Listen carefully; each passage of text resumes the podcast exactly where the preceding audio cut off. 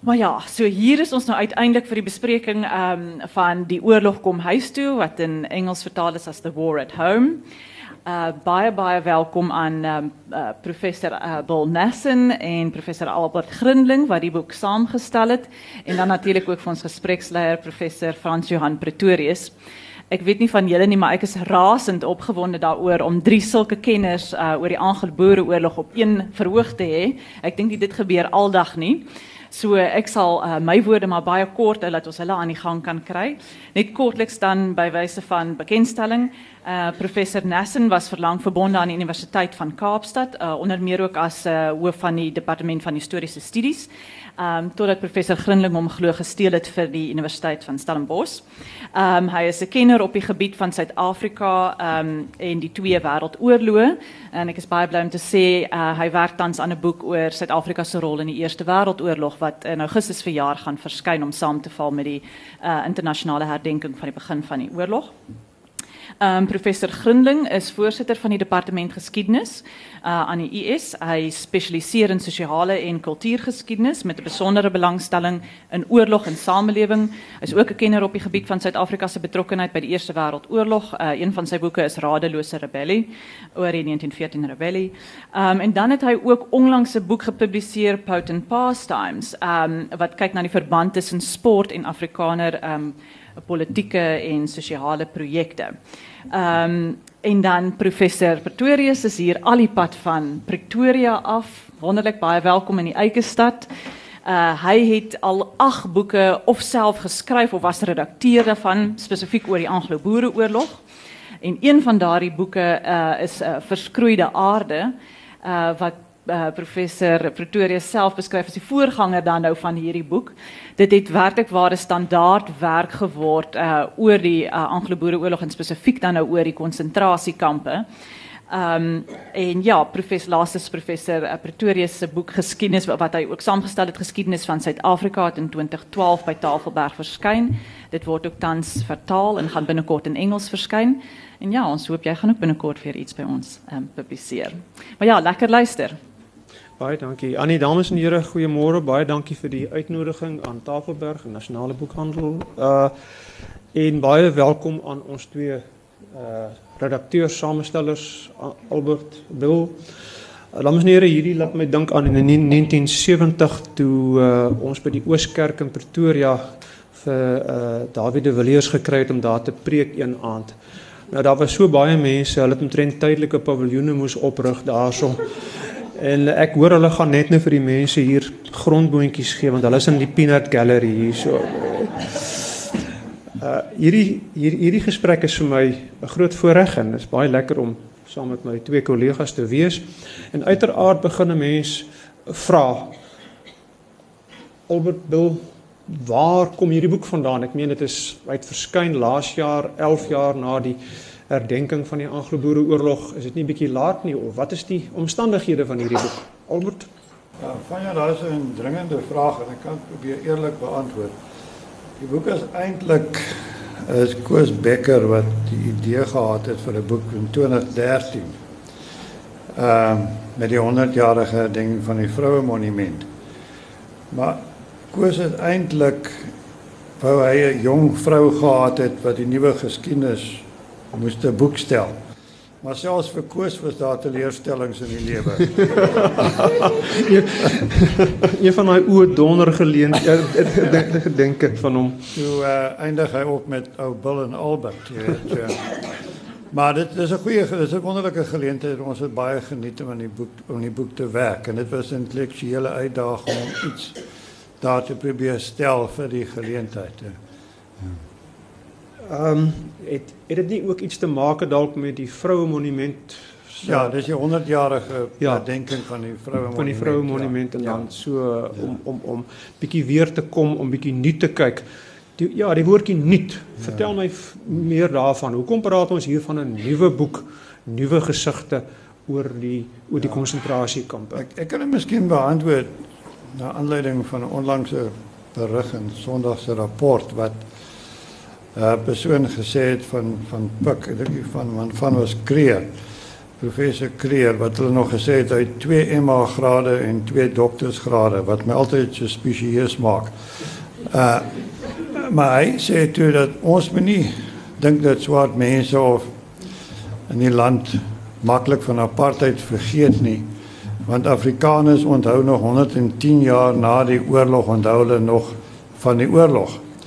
En my denke daaroor was dat ja, dis korrek. Dit daar word nog steeds daarna gekyk. Maar dit word nie vir politieke doeleindes meer aangewend nie. Van tevore is dit natuurlik vir politieke doeleindes aangewend. Maar maar nie meer vandag nie. So uh die rede dit omdat dit omdat dit nou los staan van die politieke in 'n hoë mate, maak dit ook vir mense moontlik om ander dimensies te, te probeer eksploreer. En en dit is wat probeer doen het dat om te kyk na alledaagse lewens, afgesien van die lyding in die kampe. Wat ons wat dit was ongetwyfeld daar en dit het 'n groot gedeelte van die verhaal geïnformeer. Maar ons probeer ook kyk na wat het buite rondom dit gebeur want hierdie was mense van van vlees en bloed. Hoe het hulle lewens ingerig te midde van hierdie haaglike omstandighede? Ja, ja. So dit dis eintlik die oorkoepelende idee wat ons gehad het. Ja, ek ek ek ek, ek het goeie begrip daarvoor. Bill, um you know, the Afrikaners always think that they see this war in isolation. They think that the Boer women and children suffered the most of all people in in in world history. How tenable is that?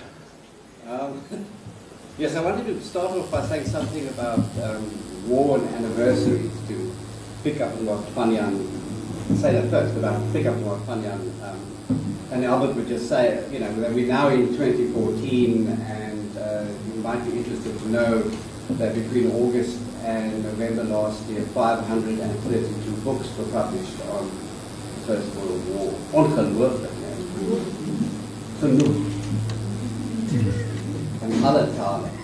So I think that for many people, war and centenaries go together, and for many people, war is, is a very important part of um, part of history. I think uh, funny, I mean, funny, Francian's question about the sense in which the suffering of Boer women and children in this country was uniquely intense and something which was uh, very rooted to the experience of this country.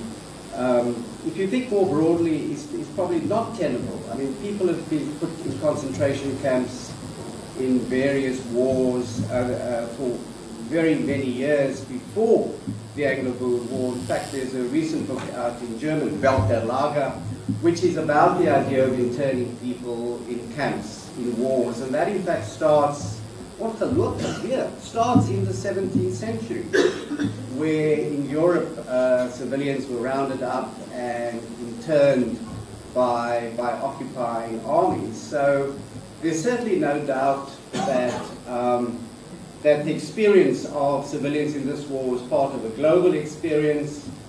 And if we take the period from the 1880s up to the First World War, it's a period in which there's a, you know, it's a tydperk van totale oorlog, where wars are getting more and more professional and bureaucratized and more intense and are reaching more deeply into, um, into people's lives. But I think it would be true at the same time to say that the experience for, let us say, a European Christian population which was um, under the heel of the British Empire was unique. That, that for certainly for Anglo-Boer relations, this uh, this was a war which visited devastation here, which uh, Britain did not visit upon any other of uh, any other parts of his part of its white empire. So in that sense, and that is what horrified many people in Britain at the time. I mean, humanitarians in Britain who were opposed to the war, who opposed to the camp, all said this. Plek is vol christelike of gentlike wit mense soos ons. How can you inflict these tactics upon them? By all means do it to Indians and black Africans, but not to us. You know, if you if you look at the uh, at, at the figures, I mean, uh, in in Cuba, just two years before uh, the Anglo-Boer War in Cuba, You know, more than 100,000 people died in, in those concentrados. They were concentrados. Uh, uh, in, in, in, in, the, in those camps. And we have a, a figure of 28,000, uh, which I don't believe is much more than that, despite one or two uh, later figures of, of, young historians. But uh, um, so definitely, I mean, we, we're talking about people who have, have lost their lives, but this was in a way used in the 1930s and 40s. Albert en jy daaroor geskryf ook andersins maar ook hierso. Uh kan ons bietjie kom by daai Afrikaner nasionalisme, daardie uh uh brute nasionalisme wat hierdie tema van die lyding en sterftes in die kampe gebruik het. Jy 'n bietjie daarop uitbrei.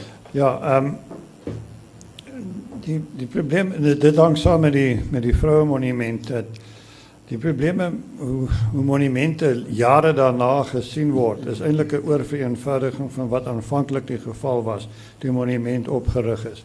En die en die die ehm die, die vroue monument is geen uitsondering daarop nie. Hierso omstreeks 1990 het jy vertolkings gekry rondom die vroue monument wat dit uitgemaak het as 'n monument wat van meet af in die naam van Afrikaner nasionaliste nasionalisme opgerig is. En nog, dat is verder gegaan in die lucht van feministische vertolkings van geschiedenis.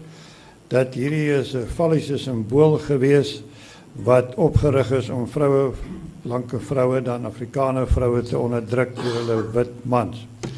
Uh, dit, is natuurlijk een absurde vertolking, maar dit, dat, is types, dat was die type vertolking, en dit is mij gehinderd. En... Ehm, toe ek begin kyk na wat spesifiek het plaasgevind met die onthulling van die van die van die vroue monument. En dit is duidelik gewees die hele storie van Afrikaner mans het nie die monument opgeruk om die vroue te onderdruk nie, dis dit pietisme uit en en en wat met vroue gebeur het. En dis ook een van die min monumente, oorlogsmonumente wat ter ere van vroue opgerig is. Gewoonlik is dit hierdie warrior male tipe uh uh, monumente van 'n man op 'n perd wat in 'n oorlog veg en so hierdie hierdie is dan uitsonderlike monumente in daai opsig. En ook as jy kyk na die toesprake, dit het 'n sterk godsdienstige inslag gehad. En daar was eintlik baie min behalwe vir die wet, was daar baie min uh, eksplisiete nasionalistiese toesprake. Was 'n onderstroming, maar dit was nie eksplisiet 'n uh, 'n monument wat daai tyd opgerig is vir Afrikaner nasionalisme nie. Vir 'n lang tyd het daar ook 'n bepaling gewees dit moenie vir sektariese doeleindes gebruik word die monument nie. Dan moes die transgressie transgressie plaasvind op hierdie monument wat op die terrein van die monument wat vir vroue opgerig is nie. Geleidelik het dit wel gebeur uh uh is is ander figure ook daar uh vir uh begrawe, maar dit het veral in die 30e jare die opbloei van Afrikaner nasionalisme toe die monument 'n meer eksplisiete Afrikaner nasionalistiese waarde daaraan toegevoeg gedurende daardie tyd, maar maar nie voor die tyd nie. Ja, ja.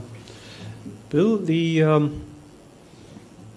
the scorched earth policy. I mean that's the real start of the suffering of these civilians. Both black and white. How did, how did that affect, if I say it started, how did, how did it start, this, this really suffering? I mean, why the scorched earth policy in the first place? And then, secondly, what did, how did this lead to concentration camps? The thing you can say is that the scorched earth policy is something which was pursued by uh, colonial armies uh, for in many wars before uh, this this particular war. I mean, you could argue that in the Anglo-Zulu wars, for instance, uh, the British Army pursued scorched earth. In other words, fight the war by seasons, and so once the Zulu uh, have uh, harvested their crops and uh, have stored those, then you burn them in fact, you starve them into submission or you weaken their ability to continue to continue fighting. So the first thing to say, I think, is that um, and the British Army in Afghanistan and elsewhere in the empire employed scorched earth. So this was a tactic you learned from other parts of, of the empire before you came to South Africa. And in fact, you used it um, particularly against opponents who didn't have a capital city. So the problem for the British in countries in Asia, in Africa, is that their opponents who were peasants, Fuzzy were stuck. There was no capital.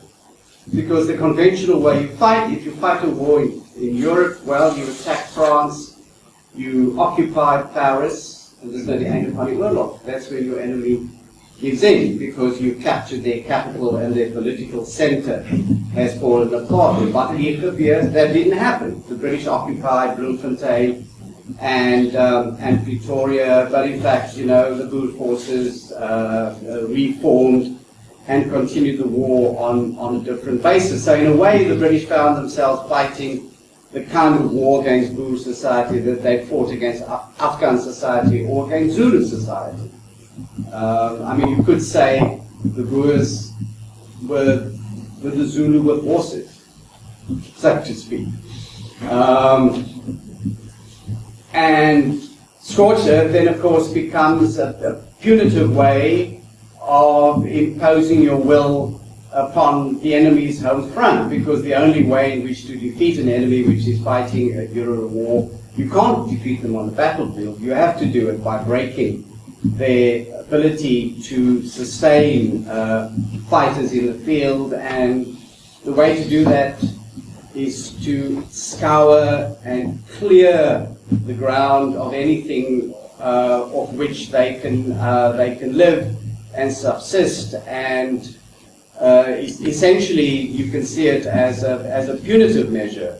I mean, there may be other interpretations. I mean, there's another interpretation that the war created refugees and that, and that the British had to do something about Boer women and children. That was part of British propaganda, of course, that Boer women and children were wandering in the veldt, were vulnerable to, um, to attacks by Africans, and so the British were creating these camps as a form of, of charity and protection uh, to sustain uh, uh, enemy enemy civilians. Um, but you know, you could see it um, as as a as a deliberate uh, military strategy to break the home front, to break the will of the enemy, and that, in fact, is how the Second World War gets fought. I mean, Germany loses the Second World War in 1918, not because it loses on the battlefield, and that's a source of good pride, is it not?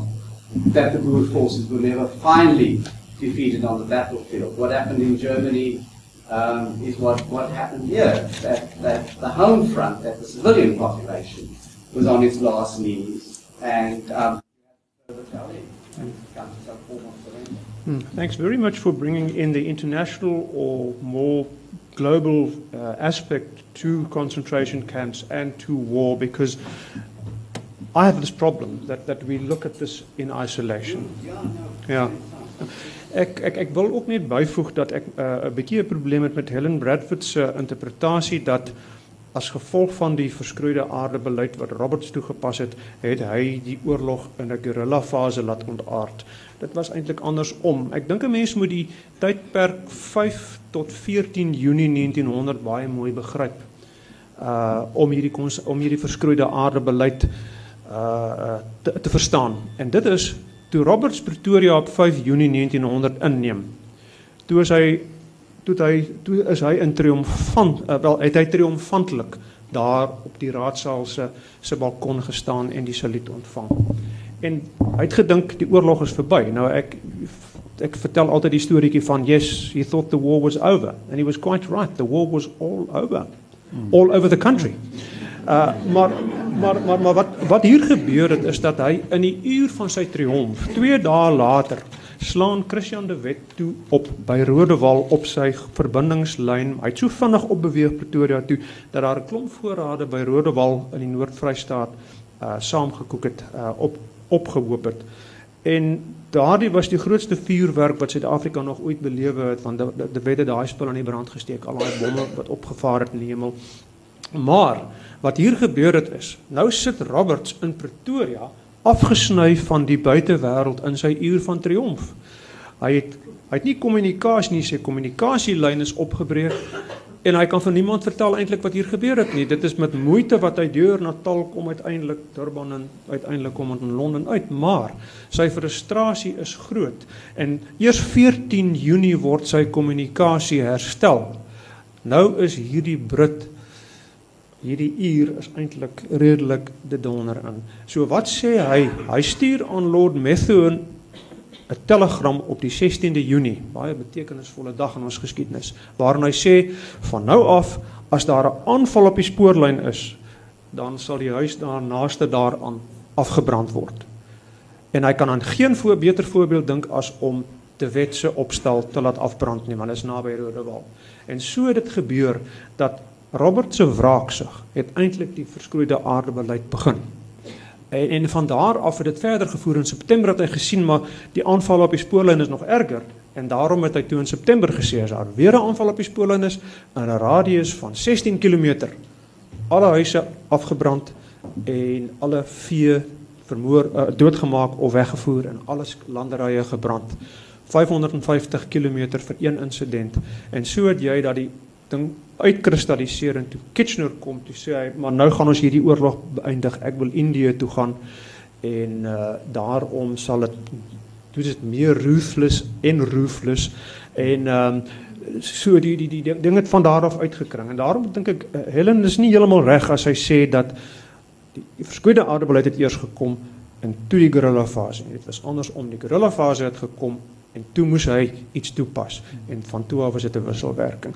Ehm um, ek wil terugkom na iets wat seker die die die die die luisteraar sal interesseer. Hoe het julle julle onderwerpe gekies vir hierdie boek Albert? Uh, jou skrywers, jou onderwerpe.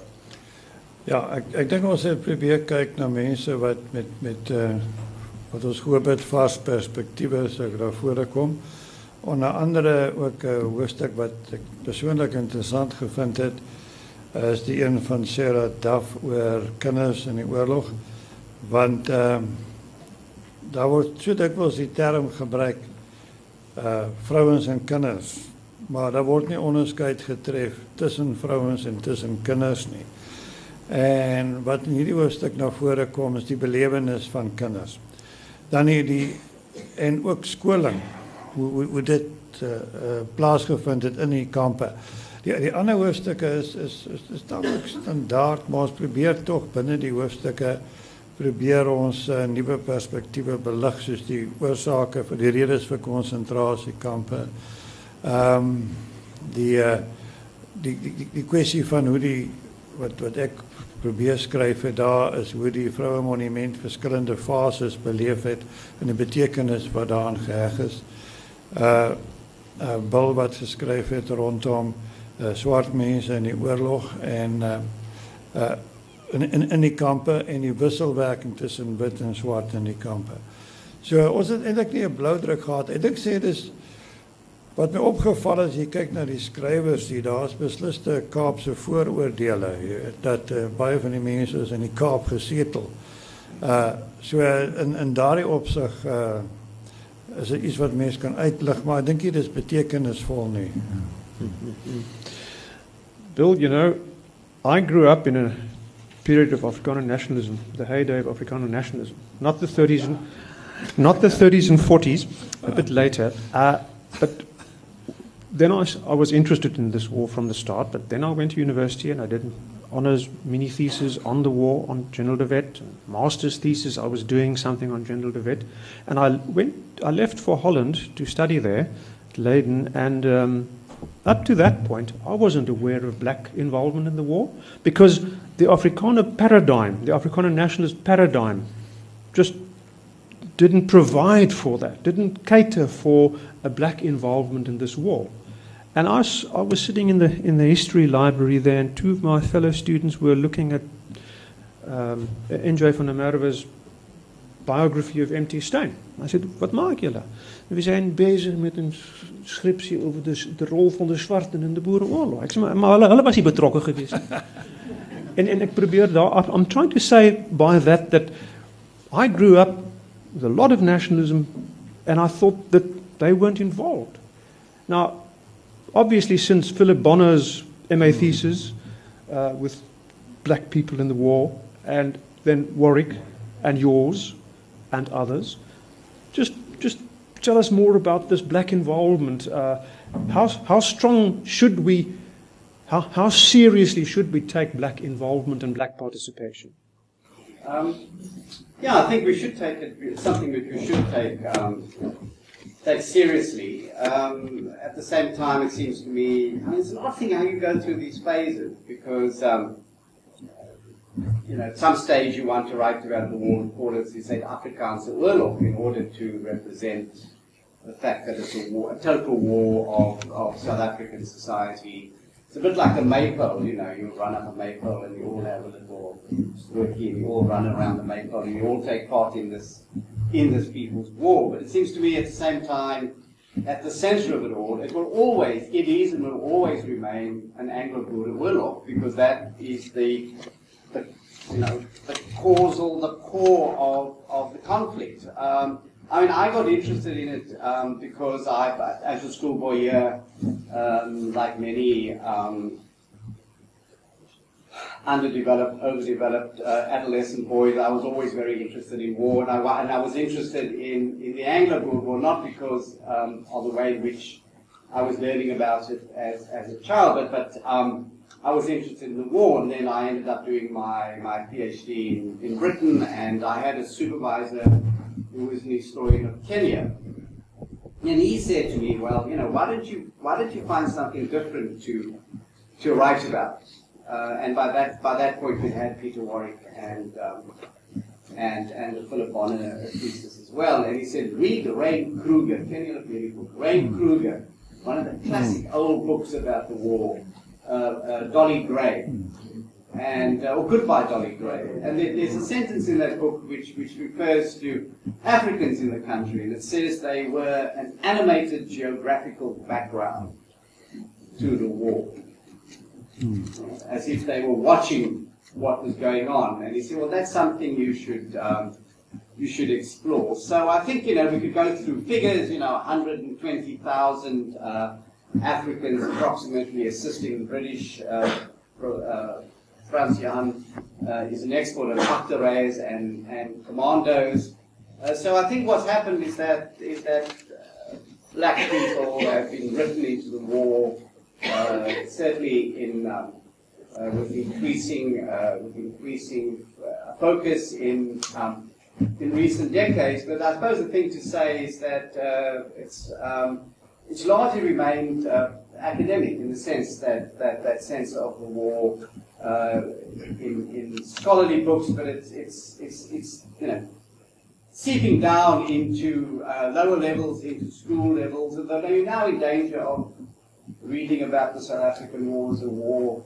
Oorlog is network SWAT mense. Uh, and so you're, in, you're actually in danger of replacing one, um, one dominant kind of master narrative or story with, with another. Yeah, yeah. And the thing is that, you know, let a thousand flowers bloom, I say. I mean, I think yeah. we need to try to bring in as many dimensions as possible. How, how strong was the black threat uh, to, to, to end the war, to, to, to accept that the, that the 60 delegates at the Vereniging, the Boer delegates decide we cannot go on because of the black threat? How strong is that uh, in, in comparison with, with other factors? Yeah, I mean that I think that I think is a factor. There's no doubt. I mean, the, along with the mortality in the camps, and um, for Smuts in particular is very concerned. And then of course you've got the Hallkrans incident, incident in 1902, where well, Zulu MP nine, yeah, nine days before nine they days before, before they meet it for anything. Yes, that is seen as a kind of atrocity and a real sign of danger. But it's also that point where the war is kind of breaking down you know, with, I mean, your earlier point about Roberts, I mean, I'm very interested in this stuff. When wars become so brutal, so intense, and so ruthless, when does that happen? And so for Roberts, you could say, and for Kitchener, who was also very extreme, and at one stage suggested rounding up all Boer leaders and sending them to Fiji or Bermuda so they could see how big the British Empire was, or tying prisoners to the front of armored trains. so that prisoners would die when uh, railway tracks were, were sabotaged. Is that point, I think, I mean, there are two points. I mean, one is when hulle wil nie opgee nie, you know, that, that, that you get to the stage where clearly the logic of the war means that one side will win, but the other side will not give up, and then what do you do? You become, you become more extreme because the praat nie, they continue fighting, and so you just have to find harsher methods of bringing this to an end. And the other point, I think, which gets back to 1902 and Vereniging, is that sense, I think, where at the end of the war, it's, it's really getting out of control.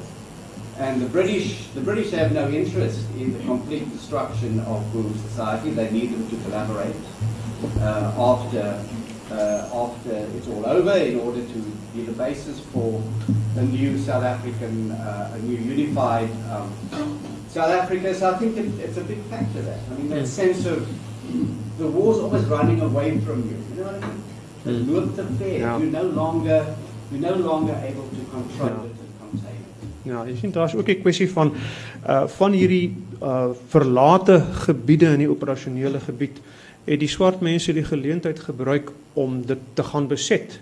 Hulle argument was julle dit in die 1850s, 1860s, 1870s tot 1890s van of af van ons afgevat met met oorlog of met verruil of wat ook al. Nou is dit ons kans om dit terug te kry. En en en daardie dit veroorsaak dat die boere dan kleiner operasionele gebied het om te om om om om hulle guerrilla oorlog te doen en jy het 'n guerrilla het 'n groot gebied nodig. En nou is daar nog 'n verskroeide aarde beleid. Jy het geen kos nie. Daar's 'n blokhuisstelsel wat veroorsaak dat jy nie deur die blokhuislinies kan breek nie. So jou operasionele gebied word al kleiner en die swart bedreiging is deel daarvan saam met die gebrek aan voedsel, saam met die gebrek aan gebrek aan ammunisie en en en voorrade en en Brit Europa kom nie help nie en so voort. So jy kom dan tot daardie punt. Ek wil jou in die verband Albert vra ons uh, my laaste vraag aan jou voordat ek dit vir die publiek oopstel. Albert, jy noem hier dat uh as die samespreking vrede samesprekings tussen generaal Louis Botha en Lord Kitchener in Februarie 1901 by Middelburg geslaag het en die oorlog het in sê Maart 1901 geëindig. Dan sou die konsentrasiekampstelsel nie nie die vorm aangeneem het wat dit aangeneem het nie. Kan jy 'n bietjie daarop uitbrei? En dit is vir ons his- as historiese baie maklik om terug te kyk en sê you know when fools are when when a thing is done and past even fools are wise at last. So kom ons hoor van die drie Ja. fools hierso. Ja. Uh, uh dankie Vanja. Dit dis ding wat my nogal gefassineer het want gewoonlik is ek ook baie versigtig vir hierdie if kind of questions. Uh hierdie so van wat sê counterfactuals hier. Uh maar hierdie hierdie ding het nogal want dit sou 'n wesenlike verskil gemaak het. Die, dis dis dis voor die winter gewees van 19 in Februarie 19 1901.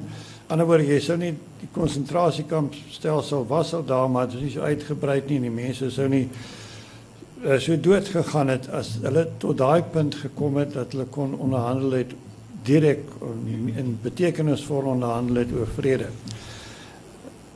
Die rede waarom dit afgespring was afgespring het dink ek eintlik dat beide partye het nog gedink hulle kan met iets uit hierdie oorlog uit kry en die Britte was nie bereid gewees om uh op daai stadium oor te gee sonder dat die Transvaal en die Vrystaat uh nie vernietig was nie, maar op hulle knieë gedwing was. En Botha het 'n dergelike standpunt ingeneem. Ehm um, daar was my dis dis my oomblik wat uh wat verlore gegaan het en ek dink dit wentel rondom die tipe militaristiese ingesteldheid van Kitchener aan die een kant en en en aan, aan die ander kant. Ja, interessant dat die dat die vredesvoorstelle uh Ja. wat Chamberlain g- gemaak het Ja. in, in in Februarie en Maart 1901 uh in kleiner opsigte verskil van wat uiteindelik by vereniging aanvaar is. Daar's twee kwessies. Die eerste is dat die die die die die uh rebelle het 'n beter bedeling gekry met die 1902 voorstelle, naamlik dat hulle net vir 5 jaar hulle stemreg sou verloor, maar dat hulle nie verder vervolg sou word nie. En dan is die uh die 1 miljoen pond het 3 miljoen pond geword. Hmm. Nou moet 'n mens natuurlik in Ja. ag neem dat intussen is meer as 2 miljoen pond se skade aangerig. Eh, ja, daarin, daarin is goed dat je dit noemt, daar type voorstellen. En je kunt zelf ook je vraag afvragen of die was het waard om, verzoek, om, om daarvoor te bekleiden. Maar dat is, zeker die verkeerde type vraag om te vragen. Ek uh, eh, weet die argument kan wees maar wag 'n bietjie, dit is juist daar die uithouden. Ja. En daardie leiding wat vir die Afrikaner daardie mobilisasie gegee het in die In, 20ste in, die latere periode, ja.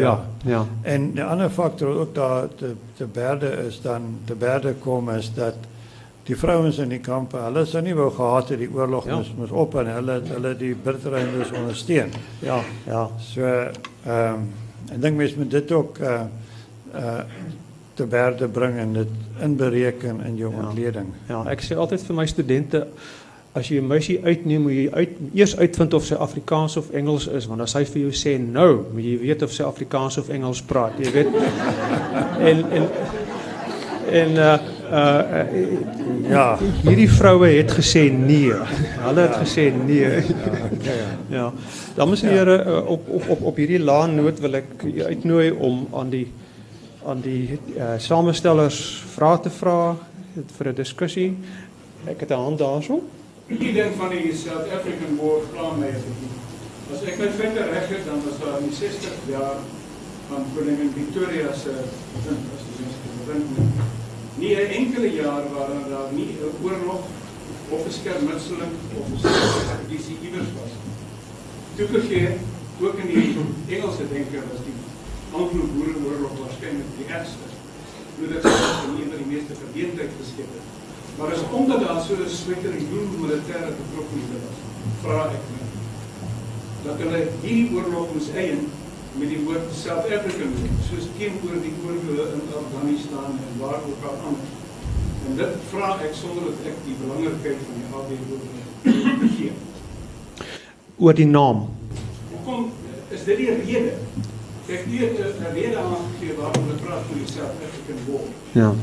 My gevoel is dat die naam het in Brittanje ontstaan om vir die Britte te laat verstaan daar gaan oorloë oral aan. Daar was 102 uh, uh, uh, oorlogs skermutseling tydens koningin Victoria se bewind. En jy moet dit identifiseer, gee hom 'n handvatseltjie. En daai enetjie daaronder is die. Ja, dankie. Uh, Bill, you, you wrote uh, your first was called the South African War, and the same, basically the same, uh, uh, elaborated, edited, was called Anglo-Boer Oorlog. You can perhaps give us a, a cue, a cue here. I'm confused, can I could say. Yes. I'm, I'm actually um, confused. I mean, I think that the South African War, I mean, the war in Britain was called all kinds of things. You know, it was called the Boer Oorlog. Uh, the Indian newspapers called it the Boer Trouble or the Boer Mutiny, After Indian Mutiny. after Yeah. the Indian Yeah. And I mean, I think the interesting thing is that the South African War was the South African War before we were South Africa. That's what Yeah. Mm. South Africa was a place, it was a region, it was not actually a country Mm. until until 19 until 1910. You could always say, yeah, you know, which mm. South African war? The mm. worst war? Was it the worst war in the history of this country? You could argue, probably not. Mpakane, a series of wars uh, around the Zulu kingdom in the, in the early um, uh, late 18th, early 19th century, probably slaughtered millions. We don't know, millions of people. Wat het jy 'n reaksie daarop? Nou, hierdie oorlog het verskillende name van die boerekant ook. Dit was eers die Goudoorlog geweest en dan die Engelse oorlog en uh toe in die stadium van Afrikaner nasionalisme was dit die Tweede Vryheidsoorlog en daarna nou die uh die Anglo-Boereoorlog en uh wat wat wat ruim inslag gevind het. Maar die probleem is Afrikaanse oorlog is ook deesdae dit dit dit kan ook gekoppel word aan die grensoorlog. So dit dit dis verwarrend. Ek ek verkies nog die term Anglo-Boereoorlog. Ja. Ehm want dink nie dat die die idee van Suid-Afrikaanse oorlog het werklik 'n greep gekry nie en 'n werklike inslag gekry. Die idee was om met alle bevolkingsgroepe te betrek, maar ek dink Ja. nie dit is werklik. Ja, uh, ja, kyk die ja, die die die South African War klink baie goed vanuit 'n Britse oogpunt Hmm. want en ook vanuit die oogpunt van 'n so totale oorlog almal was betrek. Maar ek het 'n probleem met South African War omdat dit die alle stem stem saam dat die Anglo-Boereoorlog begin is deur Brittanje se se Ja. se, se inisiatiewe. Met ander woorde, jy laat die Brit wat uit, uit die prentjie uit. Die Engelse oorlog. Ja, ja goed, en natuurlik is dit net so subjektief Ja, as ja. Maar ek het ook 'n probleem met Anglo-Boereoorlog wat ek wat, wat ek gebruik. Ek gebruik Anglo-Boereoorlog. Maar ek het 'n probleem daarmee want Anglo wys op die Engelse en wat van die Ire, die Wallisers en die Hmm. Ja. wat van die Kanadese, die Australiërs, die Australians, die Nieu-Seelanders. Dan mens moet maar aanvaar jy gaan nie 'n sambreelterm Jy gaan nie solank enige term van daai twee, ek hou nie van van hierdie subjektiewe titels soos Tweede Vryheidsoorlog of Boer War of so nie. Solank jy en jou leser weet wat jy daarmee bedoel. Wat wat bietjie irriteer, dis net vlugtig, wat bietjie irriteer is mense hier kom van Engeland en hulle praat van the Boer War. The Boer War. Ja. Ja, ook ja, de Boer. En, daar was so 'n pragtige cartoon geweest in die tyd van van, van hoe hoe uh, uh, 'n Milner gesig met 'n eintlik 'n boa vir ou Paul Creer druk the boa constrictor. Ja. Ekskuus, dit lyk my u te vra. um, professor Dassenwil het ook navorsing gedoen en het geskryf oor boereoorlog. Eintlik meer oor Botha as oor die, die boereoorlog. En hy het beweer dat as die boere nog 'n paar maande uitgehou sou Engeland soort van teruggetrek het omdat daar soveel weerstand in Engeland gekom het nadat hulle gehoor het wat ons gebeur in Suid-Afrika. Is daar enige gronde daar? Bill? Ja, dit nie so nie. Ehm al die krag, al die krag in, in Engeland. Nee. Uh, yes, yes, they were so much to to end this war as a British victory. Ja. Committed, absolutely. Ja. Absolutely. They didn't have to put up income tax. Ja. Ja, nee. It cost them a lot of money, but Ja. it, Ja. was, it was worth it. Ja.